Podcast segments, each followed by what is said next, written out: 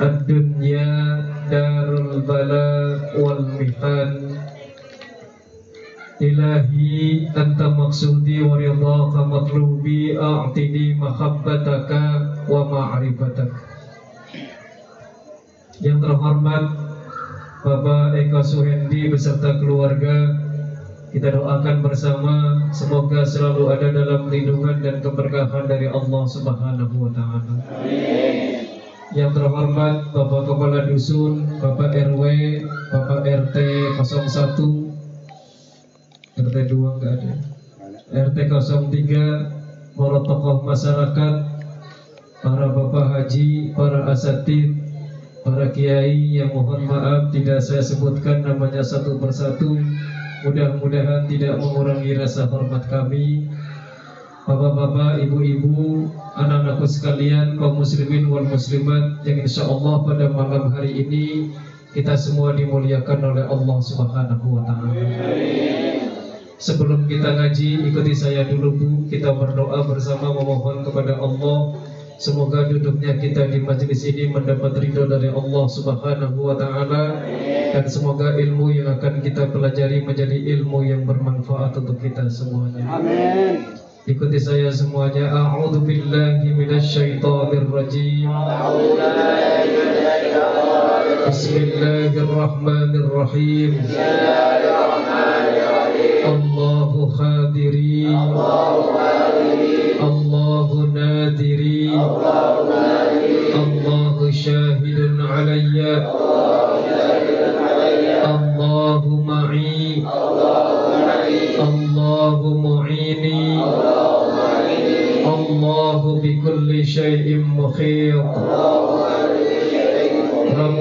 zidni ilman nafi'ah warzuqni fahman wasi'ah bi rahmatika ya arhamar rahimin Amin ya Allah ya Rabbal. Semoga dikabulkan oleh Allah Subhanahu wa taala. Siap ngaji Bu? Siap. Sudah malam langsung inti ya Bu. Di dalam kitab Turatul Nasihin yang ditulis oleh Asyai Usman Al-Khawbawi Baginda Nabi Muhammad Sallallahu Alaihi Wasallam bersabda Ad-dunya darul bala wal mihan Kalau bahasa kitanya Ad-dunya Dunia itu darul bala Tempatnya ujian Tempatnya bencana Wal mihan dan tempatnya ujian dari hadis Nabi yang dijelaskan di dalam kitab Turatun Nasihin kita bisa mengerti bahwa dunia ini adalah tempatnya bencana dan ujian. Semua manusia, siapa pun orang itu pasti akan mendapatkan ujian dari Allah Subhanahu. Percaya nggak, Pak? Ya. Yakin nggak, Bu? Kadang kita semua mendapatkan ujian dalam keluarga. Ada seorang wanita yang solihah, tapi kadang diuji oleh Allah suaminya senangnya ngelakuin perbuatan salah. Istrinya solihah, lakinya malas-malasan ibadah. Ada nggak yang begitu? Ya. Tapi alhamdulillah di kampung berkah nggak ada yang begitu. Amin. Soleh semuanya suami. Terkadang suaminya soleh, tapi istrinya cerewet luar biasa. Ada nggak yang begitu pak? Istri bapak cerewet atau enggak? Mau tugasnya? Itu juga ujian dari Allah Subhanahu Padahal suaminya baik banget Tapi istrinya sering bentak-bentak suaminya Ada nggak yang gitu? Ada nggak orangnya hadir pada malam hari ini? Malam lama banget. Iya. Kalau ketemu kan susah. Jadi ujiannya beda-beda Kadang suaminya soleh, istrinya soleha, anaknya yang badung. Iya nggak sih bu? Bandel gitu kan senangnya nongkrong, ngaji malas, apalagi sholat, senangnya main trek-trekan motor. Tapi alhamdulillah kamu berkat nggak ada yang begitu. Amin. Tapi ada orang yang diuji begitu. Kadang suaminya sudah benar, istrinya sudah benar, anaknya sudah benar, diuji sama mertuanya. Ada nggak yang gitu bu? Cerewet banget mertuanya, ikut campur mulu. Kadang sudah benar semua tuh, suami benar, istri benar, anak benar, mertua benar, diuji lagi sama tetangganya tetangganya kalau ketemu buang muka. Ada nggak yang begitu di sini? Ada. Ayo jawab yang kompak. Ada nggak yang begitu? Ada. Tetangga yang kalau ketemu buang muka. Ada. Tanya coba mukanya ada berapa? Dua. Saya pesan ya bu, jangan gitu ya bu. Mudah-mudahan dengan kita ngaji malam hari ini akhlak kita akan semakin baik. Amin. Jadi itu ujian dari Allah Subhanahu kadang diuji dalam keluarga, kadang diuji dalam kehidupan bermasyarakat. Bahkan ketika berdakwah di jalan Allah sekalipun masih diuji oleh Allah Subhanahu diomongin lah. Dibilangin kagak mesantren ngajarin ngaji segala gitu. Pak Eko mah ngaji bu sama saya jadi ibu jangan bilang Pak Eko nggak ngaji, ngaji sama saya ngajinya khusus. Orang ada yang tahu. Jadi jangan gaya sama Pak Eko sama tim beling hijau ngaji semua sama saya. Kalau mau diuji ilmunya nggak akan kalah dari pesantren. Saya berani uji, berani tanding. Gitu. Karena saya udah ajarkan bagaimana cara membaca Al-Quran yang baik dan benarnya bagaimana cara ibadah yang baik dan benarnya, bagaimana cara membaca rawi yang baik dan benarnya, bagaimana cara membaca tawasul yang benarnya, semuanya sudah saya ajarkan dan sampai hari ini masih belajar. Bayangin sama bapak dan ibu, setua-tua ini masih rajin belajar. Makanya ucapkan terima kasih Mudah-mudahan Pak Eko dan keluarga disehatkan terus oleh Allah Subhanahu wa taala. Jadi kalau ada orang yang masih ngomong begitu ya kan yang tanggung jawab saya karena saya yang ngajarin ilmunya. Kalau mau uji ilmu ujinya sama saya, mau adu tes kitab apa sama saya. Paham ya Pak? Jadi jangan ngatain begitu, jangan ngomong begitu. Insya Allah justru malah saya senang kalau ada di antara jamaah saya yang kemudian bisa mengembangkan ilmunya lagi diajarkan kepada anak-anak kita semua sehingga insya Allah anak-anak kita nggak akan kepaten obor. Kita berharap mudah-mudahan generasi penerus Ali Suren yang berada di Kampung Berkat akan menjadi generasi penerus yang soleh dan soleh. Makanya saya mohon kepada Bapak dan Ibu dukung terus Pak Eko dan keluarga dengan dukungan moral material nggak bisa bantu harta pakai tenaga nggak bisa pakai tenaga ya dukung ya kan? Dengan motivasi dukung terus mudah-mudahan beling hijau ini menjadi majelis taklim yang maju. Amin ya Allah ya Rabbal itu pun diuji oleh Allah. Apalagi sekarang kita berada di akhir zaman Pegang agama di akhir zaman itu seperti orang pegang bara api pegang bara api itu jarang yang kuat. Kenapa? Karena panas. Kalau nggak kuat pasti dilepaskan. Makanya diperlukan kekuatan iman yang teguh kepada Allah Subhanahu wa taala sehingga ketika kita berjuang di jalan Allah maka insya Allah kalau kita imannya kuat ini bara api nggak akan dilepaskan, digenggam terus oleh kita. Insya Allah kita selamat dunia dan akhirat. Jangankan cuma kita manusia biasa, baginda Nabi Muhammad Sallallahu Alaihi Wasallam ketika berdakwah juga diuji oleh Allah. Diuji oleh pamannya yang namanya Abu Lahab Jahatnya kayak apa Padahal paman sendiri Padahal siapa bu? Paman sendiri. Jahatnya luar biasa dengan baginda Nabi Muhammad Sallallahu Wasallam. Diuji dengan masyarakat kafir Quraisy Mekah pada waktu itu yang berusaha memadamkan api perjuangan dakwah baginda Nabi Muhammad Pengikut Nabi Muhammad disiksa, pengikut Nabi Muhammad dibunuh, Nabi Muhammad berkali-kali diancam dibunuh, berusaha dibunuh, tapi selalu dijaga oleh Allah Subhanahu. Begitu mereka kafir Quraisy sudah begitu hebatnya menyerang baginda Nabi Muhammad dan para pengikutnya diuji oleh Allah. Apa yang diuji? Paman beliau yang bernama Abu Talib, pemimpin kafir Quraisy meninggal dunia. Kira-kira sedih apa enggak? Lagi ujian berat-beratnya pamannya meninggal dunia. Gak lama pamannya meninggal dunia, istri beliau Sayyidati Khadijah yang selama ini mendukung perjuangan baginda Nabi Muhammad Sallallahu Alaihi Wasallam juga meninggal dunia.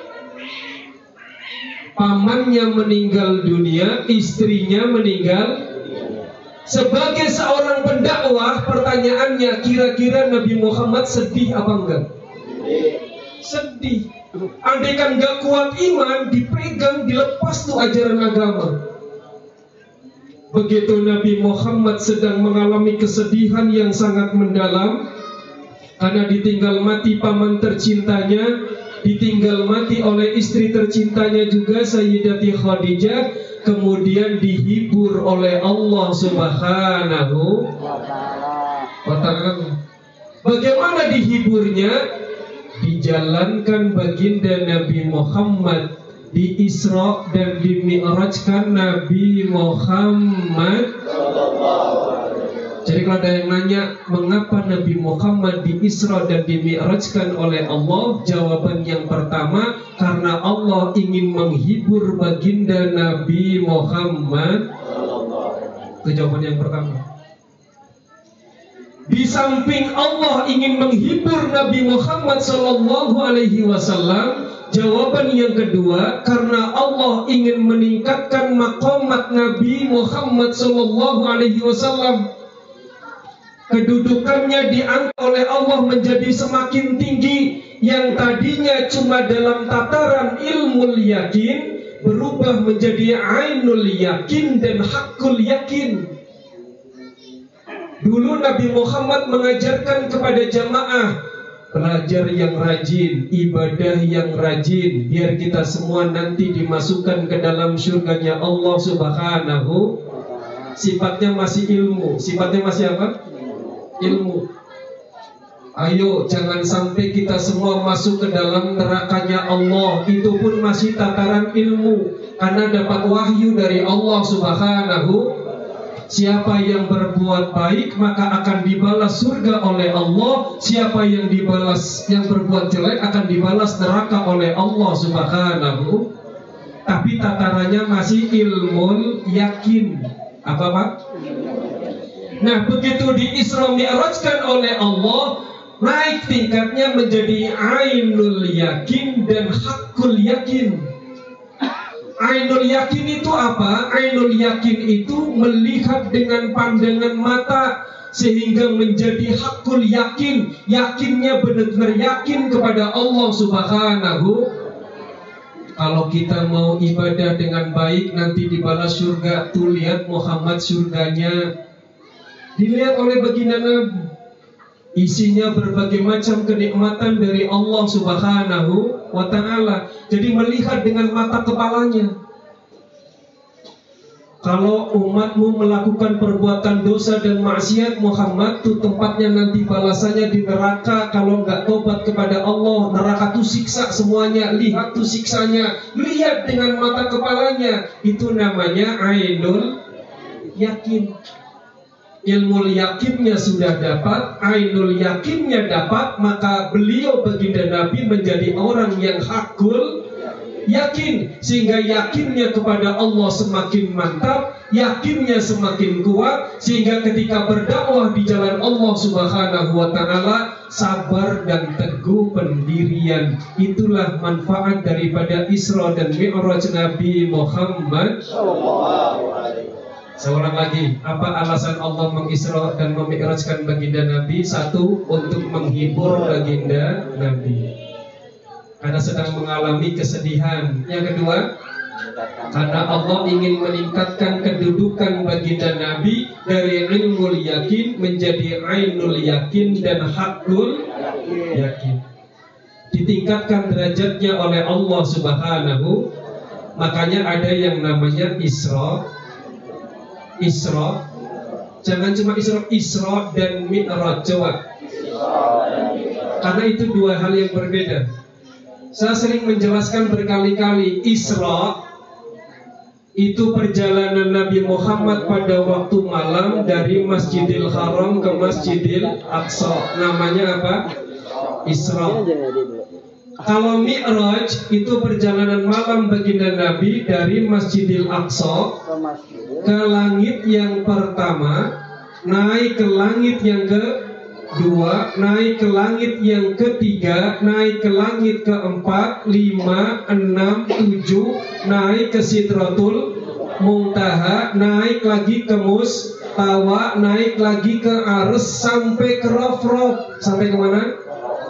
Untuk menemui undangan Allah Subhanahu wa taala. Saya lagi. Kalau ada yang nanya apa itu Isra? Ayo yang kompak perjalanan malam Nabi dari Masjidil Haram ke Masjidil Kalau Mi'raj Perjalanan malam Nabi dari mana? Masjidil Aqsa naik ke mana? Langit pertama langit kedua, langit ketiga, keempat, lima, enam, tujuh, naik lagi nggak? Ke mana? Sidratil Muntaha naik lagi nggak? Ke mana? Ke Mustawa naik lagi nggak? Naik ke Ares sampai ke Roh Roh. Kalau ulama biasa menjelaskannya cuma sampai Sidratil Muntaha. Padahal belum sampai di situ masih naik lagi. Ini biar hafal, biar anak-anak beli hijau, asuha semuanya hafal. Ulang sekali lagi. Apa yang dimaksud dengan Isra? Dari mana? Ke mana? Ke Masjidil Aqsa. Kalau Mi'raj? Dari mana? Naik ke mana? Terus? Kelima, enam, tujuh naik ke mana? Sitratul Muntaha ke Mustawa ke Aras sampai ke Rof paham ya Pak? Jadi perjalanannya itu dilakukan di malam hari Nabi Muhammad di Isra dan di Mi'rajkan oleh Allah Subhanahu wa taala itu dengan ruh dan jasadnya. Banyak ulama yang mengatakan ruhnya saja, bukan ruh dan jasadnya. Mana dasarnya kalau Nabi Muhammad di Isra dan Mi'rajkan dengan ruh dan jasad? Ayatnya tadi dibaca diawali dengan kata subhana bersama-sama. Cuma ruhnya saja, nggak perlu pakai kata subhana. Jadi Allah menjelaskan subhanalladzi asra bi 'abdihi laila. Maha suci Allah subhanahu. Andaikan itu Isra cuma pekerjaan biasa, cuma ruhnya saja, nggak mungkin pakai kata subhan. Kalau ayat diawali dengan kata subhana, itu artinya perbuatan yang akan dijelaskan oleh Allah itu adalah perbuatan yang luar biasa. Isra Mi'raj dari baginda Nabi Muhammad dari Masjidil Haram ke Masjidil Aqsa sampai ke Rafraf itu adalah perbuatan yang amat luar biasa. Makanya diawali dengan kata subhan. Bu, Ibu, Pak, dari Masjidil Haram ke Masjidil Aqsa kalau ditempuh dengan kendaraan normal itu satu bulan. Berarti bolak-balik dua bulan. Tapi Nabi Muhammad dari Masjidil Haram ke Masjidil Aqsa naik sampai ke Rof-Rof balik lagi cuma 3 sampai 4 jam. Akal nggak terima. Akal nggak terima.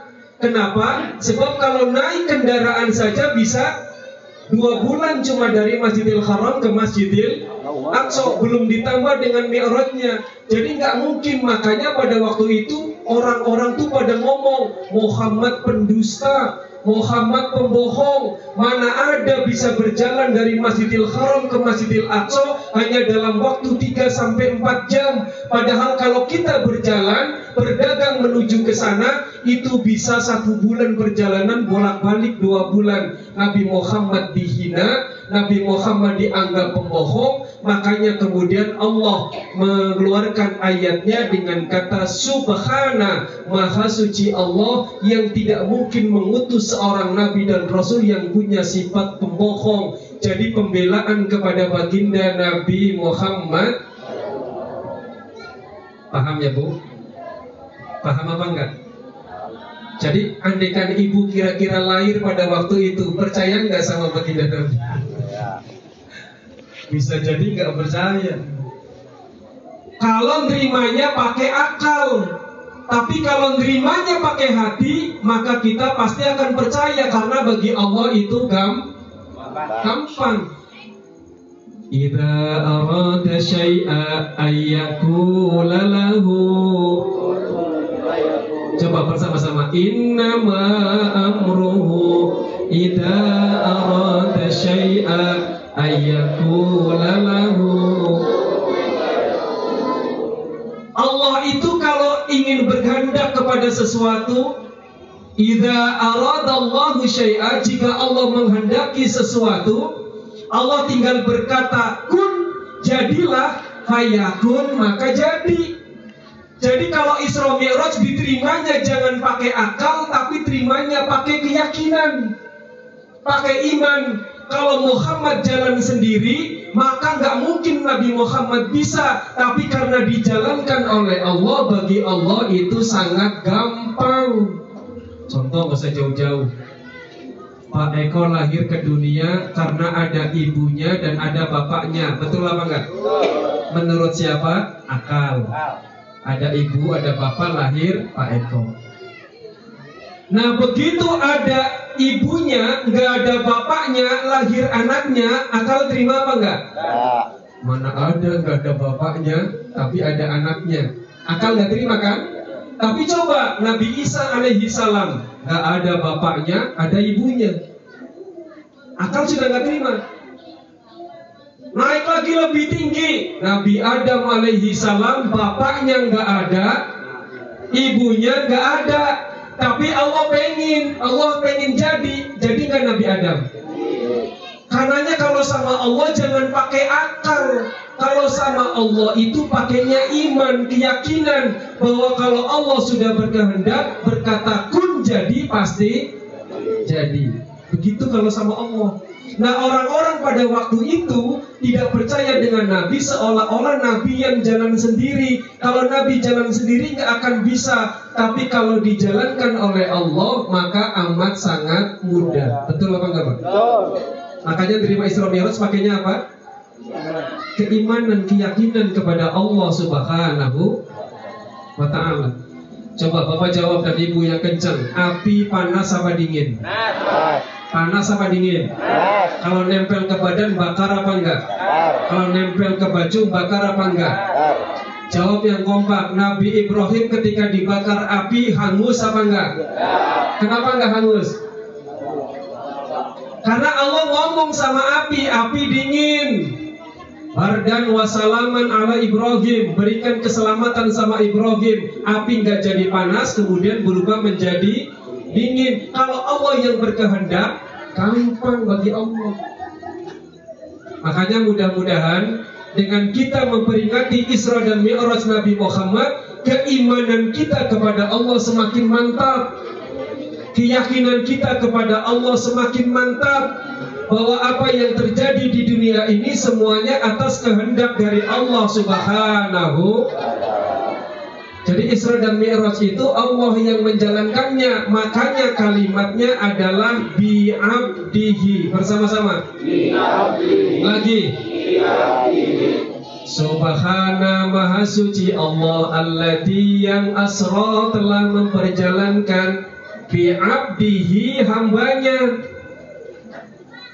Di situ ketika hendak mengatakan kata abdihi Allah mengawali dengan harfu jarim ba Padahal harfu jarim itu dalam ilmu nahwu banyak. Ada min, ada ila, ada an, ada ala, ada fi, ada ruba, ada ba, ada kaf, ada lam. Tapi mengapa yang dipakai adalah ba, bukannya min? Ini ada rahasianya. Apa rahasianya? Salah satu fungsi ba dalam ilmu nahwu dan sorof itu adalah lil musohabah. Bersama-sama. Lagi. Lil musohabah itu kalau bahasa kitanya disertai. Jadi Nabi Muhammad Isra dan Mi'raj itu disertai oleh Allah Subhanahu Wa ta'ala. diundang oleh Allah, dijalankan oleh Allah yang menjalankan makanya sanggup hanya dalam waktu 3 sampai 4 jam dari Masjidil Haram ke Masjidil Aqsa balik lagi dalam waktu hanya 3 sampai 4 Kenapa? Karena Allah yang menjalankan. Paham Bu sampai sini? Ya, andai kan orang-orang Mekah dulu cerdas, yakin sama Allah, nggak akan protes kepada baginda Nabi Muhammad. Gak usah jauh-jauh. Contoh gampangnya gini. Ada semut kampung berkat. Semut besar apa kecil? Jalannya pelan apa lama? Pelan apa lama? Pelan apa cepat? Pesawat. Pelan banget kan? Kalau semut kampung berkat main ke rumah saya di Jawa Tengah, kira-kira perlu berapa lama perjalanan? Tahunan. Tahunan. Ayo coba kira-kira gitu. Kira-kira perlu berapa lama? Bisa nggak dalam waktu 3 sampai 4 jam atau 5 jam? Nggak mungkin. Kenapa? Karena jalannya lambat kan, pelan banget.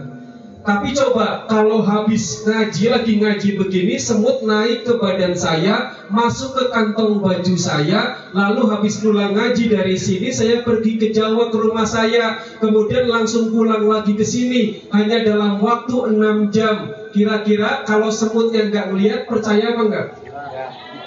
Semut nggak akan percaya, tapi kalau dia lihat ternyata masuk di kantong saya, ikut saya, kemudian datang lagi ke sini, kira-kira percaya apa enggak? Jadi Nabi Muhammad itu diisrokan bukan dirinya, tapi dijalankan oleh Allah Subhanahu wa Ta'ala. Mudah-mudahan kita semuanya imannya semakin mantap kepada Allah, semakin yakin dengan Allah Subhanahu Coba ikuti saya. Innama amruhu Ida arada syai'a Ayyakula lahu Kun fayakun Jadi Allah kalau sudah bilang kun pasti Jadi. Fayakun Pasti jadinya. Makanya keyakinan-keyakinan yang meyakini adanya selain Allah Buang jauh-jauh dari diri kita. Bisa pesan sama ibu? Ini rame banget ya. Alhamdulillah tapi bapak dan ibu nggak kebawa ke sana ya kan? Bu familis lagi main bu. Dalam itu. Tapi udah kita ngaji walau sebentar ya bu ya. Sampai mana tadi? Sampai mana Pak Ibu? Sampai kun. Jadi kalau Allah sudah berkenan jadi maka jadilah ya kan. Mudah-mudahan kita semuanya yakin sama Allah. Karena orang sekarang yakinnya kadang nggak sama Allah. Contoh, kalau ada burung, wik wik wik wik wik gitu. Ada nggak di sini burung begitu? Orang kita bilangnya apa? Ada yang mau mati gitu kan. Iya nggak sih ibu? Iya. Berarti ibu meyakini kalau burung itu tahu ada orang mau mati.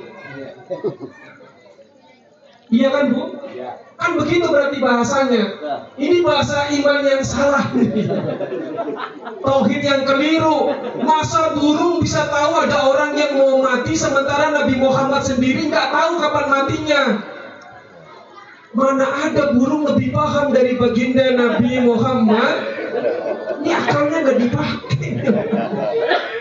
Ada burung wik wik wik. Waduh ada yang mati ini. Gitu.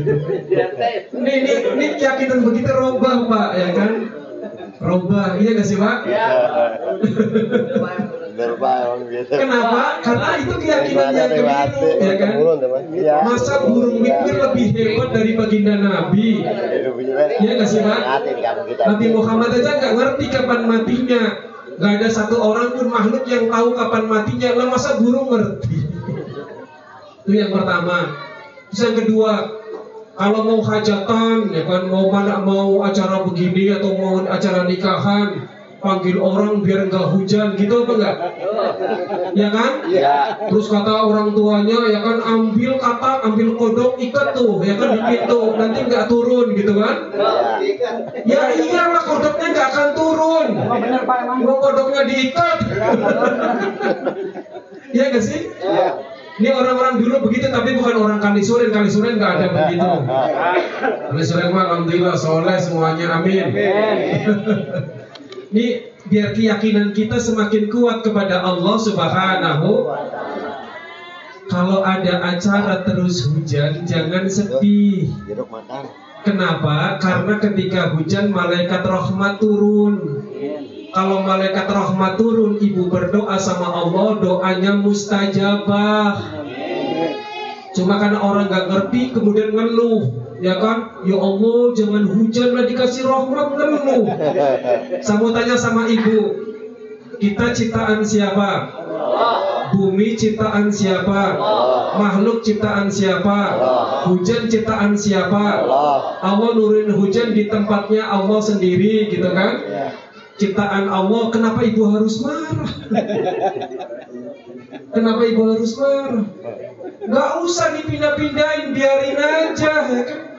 Kenapa? Karena Allah lagi sayang nurin rahmatnya. Tinggal doa. Rabbi firli wali walidayya warhamhuma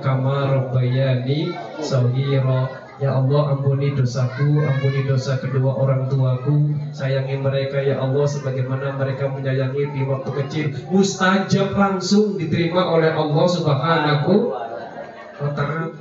Paham ya Bu?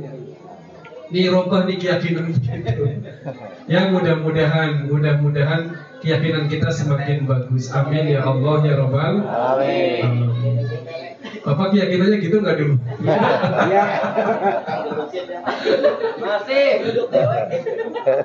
Coba la haula ikuti saya. La haula Wala quwata illa billah. illa billah. La haula La haula tidak ada daya. tidak ada daya Wala quwata wala quwwata tidak ada kekuatan tidak ada illa illa billah billah kecuali kecuali atas izin Allah. Atas izin Allah. Jadi yang ngasih kekuatan siapa? Allah. Yang ngasih kekuatan siapa? Allah. Saya bisa ngomong begini karena Allah ngasih ilmu sama saya, nitipin ilmu sama saya, jadi bisa ngomong. Kalau Allah kun tiba-tiba jangan ngomong, ya udah nggak bisa ngomong.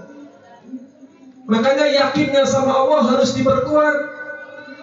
Dengan kita memperingati Isra dan Mi'raj Nabi Muhammad yang pertama tanamkan keyakinan yang kuat kita kepada Allah Subhanahu yang kedua, tanamkan kesabaran kita di dalam berjuang di jalan Allah Subhanahu wa taala. Karena yang namanya perjuangan juga pasti ada hambatan dan tantangan. Makanya kalau kita istiqomah dan kita kemudian sabar, maka tingkatan iman kita akan dinaikkan oleh Allah Subhanahu. Lanjut apa enggak? Lanjut? Beneran? Iya. Kuat dengerin? Ulang sekali lagi. Isra dari mana ke mana? Ayo yang kompak kenceng biar pulang bawa ilmu. Isra dari mana? Mi'raj dari mana? Naik ke mana? Terus, terus, terus, terus, terus, terus, terus, terus, terus, Terus baik saya bahas satu persatu. Mudah-mudahan waktunya cukup. Masjidil Haram di Mekah, di mana? Masjidil Aqsa di Palestina. Garisnya adalah garis lurus. Artinya nilai pendidikannya Allah sedang mengajarkan kepada kita hablum minan nas, hubungan baik dengan sesama manusia dari masjid ke masjid. Di mana pun kita berada, hendaknya hati kita selalu cinta dengan masjid, rindu dengan masjid. Garisnya adalah garis horizontal berarti itu maknanya adalah hablum minan nas hubungan dengan sesama manusia sama tetangga yang baik sama teman akhlaknya yang baik sama saudara akhlaknya yang baik biar hablum minan nasnya baik. Mi'raj dari Masjidil Aqsa naik. Berarti garisnya adalah garis vertikal ke atas. Apa maknanya? Hablum minallah. Bersama-sama. Hubungan dengan Allahnya baik. Jadi kalau setelah kita memperingati Isra dan Mi'raj, hablum minallahnya harus baik, hablum minannasnya juga harus baik. Kalau kedua-duanya baik, maka kita akan hidup penuh dengan keberkahan dari Allah Subhanahu. Tapi kalau nggak baik, kata Allah, duribat alaihimudillatu aina masukifu akan ditimpa kehinaan kepada kita kalau kita tidak melakukan hablum minallah wa hablum minan hubungan dengan Allah baik, hubungan dengan sesama manusia juga baik. Mudah-mudahan setelah ini hubungan kita akan menjadi baik semuanya. Amin. Allah ya. Ibu, di langit pertama Nabi Muhammad bertemu dengan baginda Nabi Adam alaihi di langit kedua Nabi Muhammad bertemu dengan baginda Nabi Isa dan Nabi Yahya. Eh sambil diingat-ingat. Di langit ketiga baginda Nabi Muhammad berjumpa dengan Nabi Yusuf alaihi salam. Di langit yang keempat baginda Nabi Muhammad bertemu dengan Nabi Idris alaihi salam. Di langit yang kelima, baginda Nabi Muhammad bertemu dengan Nabi Harun alaihi salam. Di langit yang keenam, baginda Nabi Muhammad bertemu dengan Nabi Musa alaihi salam. Dan di langit yang ketujuh, baginda Nabi Muhammad bertemu dengan Nabi Ibrahim alaihi. Berarti bertemu dengan berapa nabi dari langit pertama sampai ketujuh? Delapan nabi. Coba sebutin langit pertama siapa? Langit kedua Isa dan Yahya langit ketiga Eh langit ketiga Yusuf. Langit keempat Idris. Langit kelima Harun. Langit keenam Musa. Langit ketujuh Ibrahim. Nah pertanyaannya Kalau ibu cerdas dan bapak jeli Mengapa di langit kedua ada dua orang nabi? Padahal di langit pertama cuma ada satu nabi, langit ketiga 4 sampai 7 satu nabi, tapi di langit kedua ada dua nabi. Karena nanti sebelum kiamat datang, Nabi Isa akan turun ke dunia.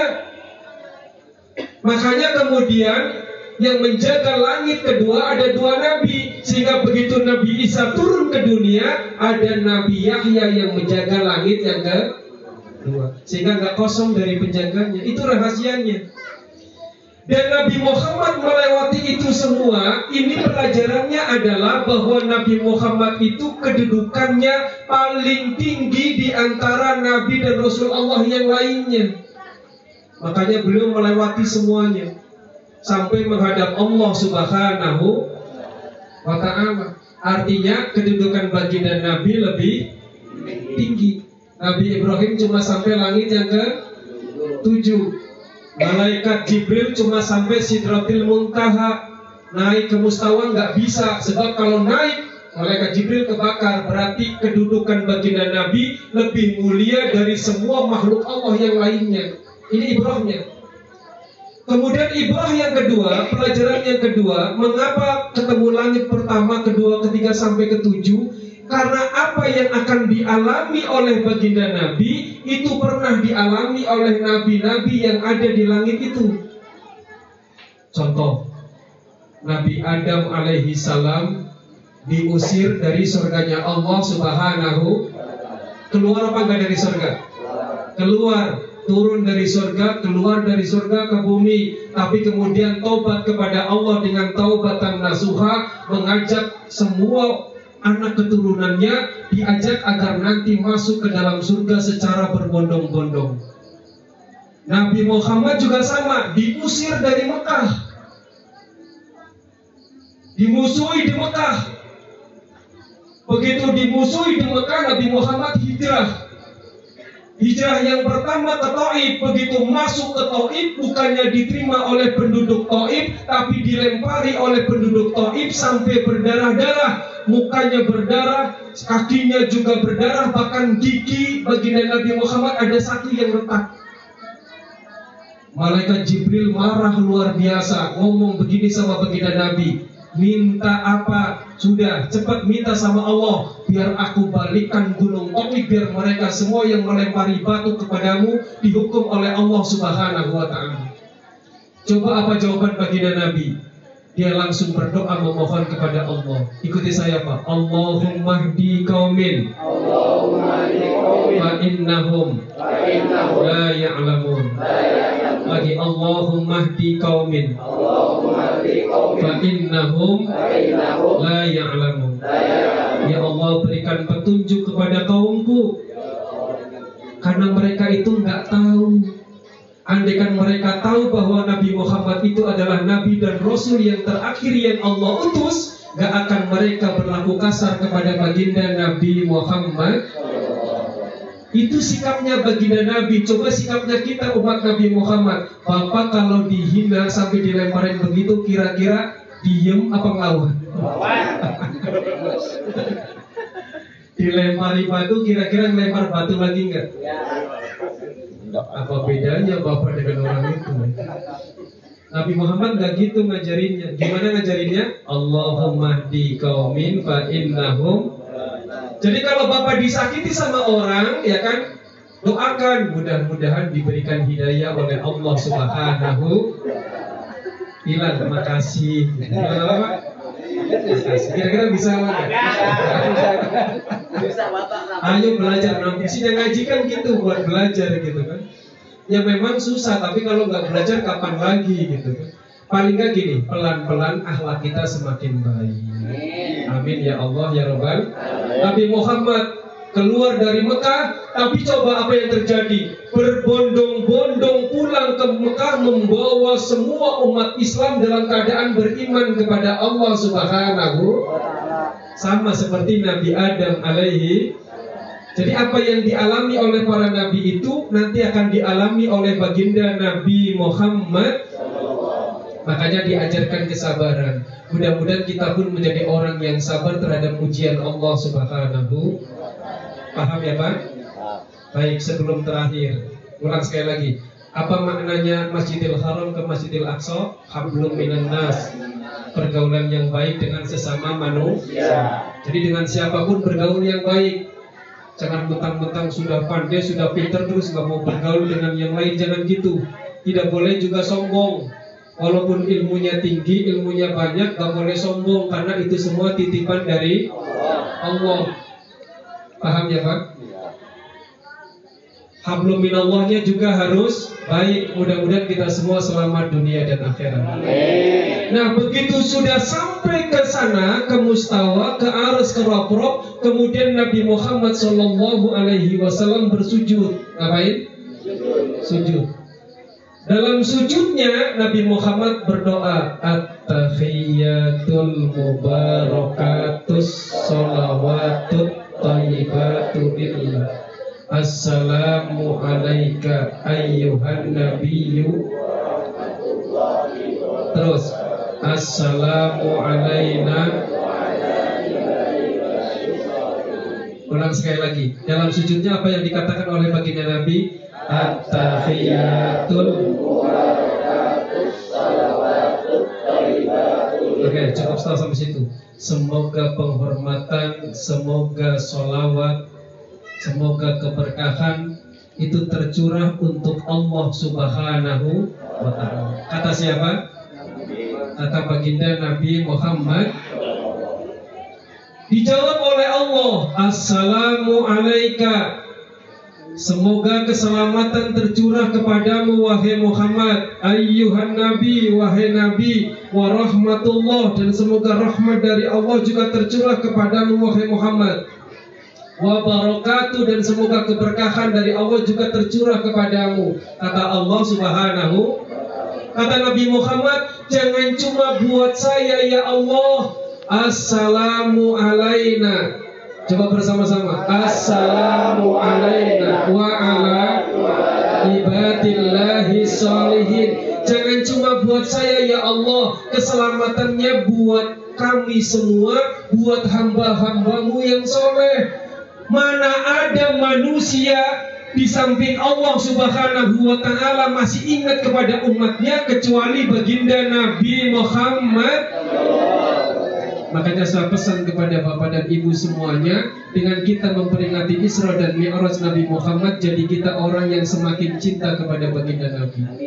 Banyakin baca sholawat kepada baginda Nabi Muhammad?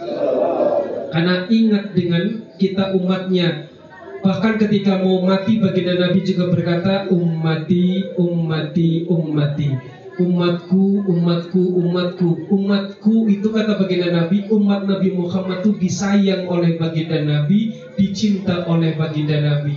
Mudah-mudahan kita semuanya termasuk ke dalam golongan umat yang diakui oleh baginda Nabi Muhammad. Makanya diperintahkan oleh Allah sholat lima waktu. Mudah-mudahan kita semakin rajin menjalankan sholat lima waktu. Amin ya Allah ya Rabbal.